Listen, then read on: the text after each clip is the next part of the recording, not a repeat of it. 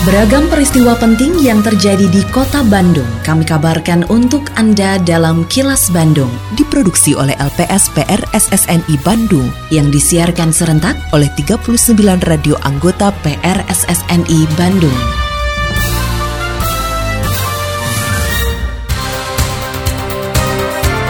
Sejumlah informasi aktual kami hadirkan untuk Anda dan inilah informasi utamanya. Pemerintah Kota Bandung larang penjualan ciki ngebul. Rencana pengembangan RSUD baru Ujung Berung terus berproses. Kemenhan buka lowongan Komcat 2023. Saya Santika Sari Sumantri, inilah kilas Bandung selengkapnya.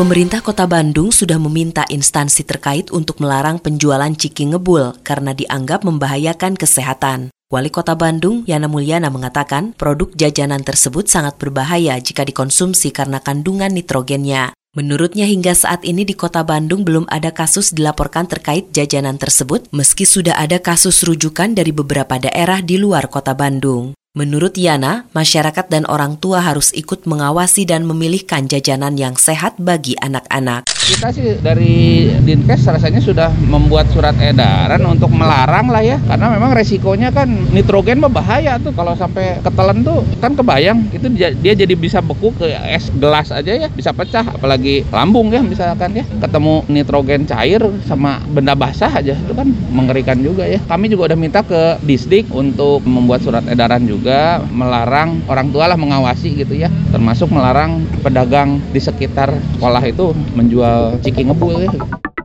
Rencana pengembangan Rumah Sakit Umum Daerah atau RSUD baru Ujung Berung saat ini masih terus berproses. Saat meninjau proses akreditasi RSUD Ujung Berung, Wali Kota Bandung Yana Mulyana mengatakan pengembangan RSUD Ujung Berung perlu dilakukan karena fasilitas yang ada sudah tidak melebihi kapasitas layanannya. Untuk pengembangan tersebut, pemerintah Kota Bandung menganggarkan biaya pembangunan yang mencapai lebih dari 500 miliar rupiah. Meski begitu, Yana belum memastikan waktu dimulainya pembangunan fisik RSUD baru Ujung Berung. Ini sedang disempurnakan DD-nya. Kita akan bangun RSUD Ujung Berung ini dengan mudah-mudahan pelayanan lebih baik. Tapi dalam proses pembangunan ini pelayanan tidak terganggu. Dan insya Allah dari DED yang ada, Tuhan biayanya sekitar 516 miliar dan kami di pemerintah kota sudah mulai siap menganggarkan lah. Jadi pelayanan itu rawat inapnya, poli polinya, layaknya rumah sakit mirip mungkin Bandung Kiwari ya. Jadi pelayanan nanti jenis pelayanannya semakin meningkat lah gitu ya. Dan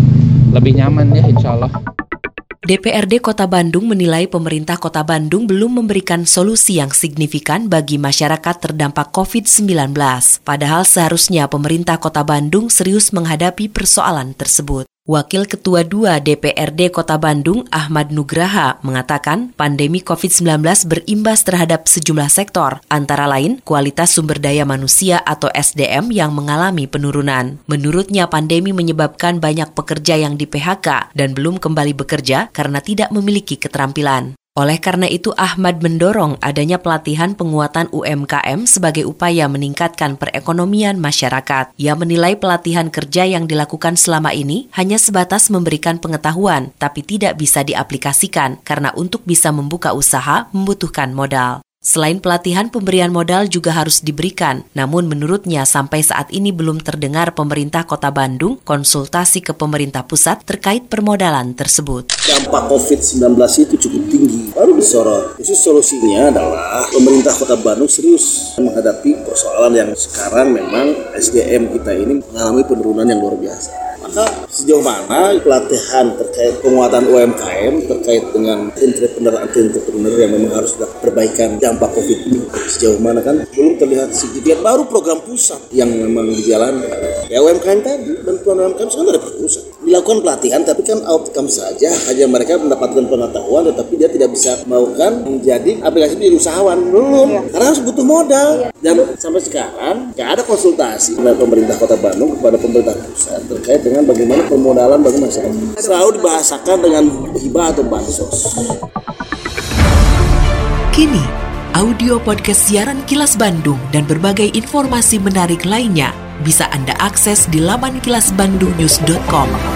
Kementerian Pertahanan Republik Indonesia atau Kemenhan kembali membuka pendaftaran program bela negara melalui komponen cadangan atau Komcat 2023. Program ini terbuka bagi seluruh warga negara Indonesia yang ingin secara sukarela menjadi anggota komponen cadangan. Hal tersebut disampaikan Dirjen Potensi dan Pertahanan Kemenhan, Maijen TNI Dadang Hendra Yuda, saat sosialisasi Undang-Undang Nomor 23 Tahun 2019 di Lanud Hussein Sastra Negara Kota Bandung. Menurutnya dengan adanya sosialisasi tersebut, diharapkan banyak elemen masyarakat tertarik untuk bergabung menjadi Komcad. Kemenhan menargetkan tahun ini sebanyak 2.500 menjadi anggota komponen cadangan. Komcat bukan pekerjaan, tapi Komcat adalah sebuah sikap cinta terhadap tanah air. Ya mudah-mudahan dengan sosialisasi ini, kegiatan perekrutan Komcat tahun 2023 ini akan lebih banyak yang berminat, baik itu dari kalangan pegawai negeri, sipil, kemudian dari pegawai swasta, kemudian dari akademisi, termasuk dosen, mahasiswa, termasuk dari saudara-saudara kita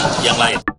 Untuk mendukung momen liburan masyarakat, PLN menyiapkan fasilitas bagi pengguna kendaraan listrik dengan menyediakan stasiun pengisian kendaraan listrik umum atau SPKLU di 92 unit layanan PLN termasuk objek wisata. General Manager PLN Unit Induk Distribusi Jawa Barat Susiana Mutia memberikan apresiasi kepada masyarakat yang telah memanfaatkan penggunaan kendaraan listrik sebagai bagian dari perubahan gaya hidup. Menurut Susiana, berbagai fasilitas dan program intensif terus dilakukan untuk mendorong ekosistem kendaraan listrik di Jawa Barat, antara lain melalui program intensifnya diskon tarif tenaga listrik atas pemakaian dari home charging. Kami siap menyediakan berbagai fasilitas dan program insentif untuk mendorong ekosistem kendaraan listrik di Jawa Barat. Salah satu contoh program insentifnya yaitu diskon tarif tenaga listrik sebesar 30% pada pukul 22 WIB sampai dengan pukul 5 pagi WIB atas pemakaian dari home charging. Masyarakat mengapresiasi positif PLN yang telah memasang puluhan unit layanan stasiun pengisian kendaraan listrik umum atau SPKLU di sejumlah unit layanan dan termasuk objek wisata. Seorang pelaku perjalanan dari Bandung, Yusuf Maruk, mengaku telah memanfaatkan SPKLU di objek wisata saat menggunakan kendaraan listrik. Dengan adanya SPKLU di objek wisata, ia mengaku tidak lagi khawatir menggunakan kendaraan listrik saat berlibur karena memudahkan penggunaan kendaraan listrik untuk mengisi daya kendaraan. Meski begitu, ia berharap PLN dapat menambah fasilitas serupa di tempat umum serta lokasi wisata sangat bagus. Ada fasilitas SPKLU di PLN Pangandaran. Jadi, bagi yang mau berlibur ke pantai Pangandaran dan pakai kendaraan listrik tidak perlu khawatir lagi. Karena ada SPKLU dengan daya pengisian cepat. Tetap patuhi protokol kesehatan di masa adaptasi kebiasaan baru untuk memutus penyebaran COVID-19. Selalu memakai masker, mencuci tangan, menjaga jarak dan menghindari kerumunan, serta mengurangi mobilitas agar terhindar dari terpapar virus corona. Terima kasih Anda telah menyimak kilas Bandung yang diproduksi oleh LPSPR SSNI Bandung.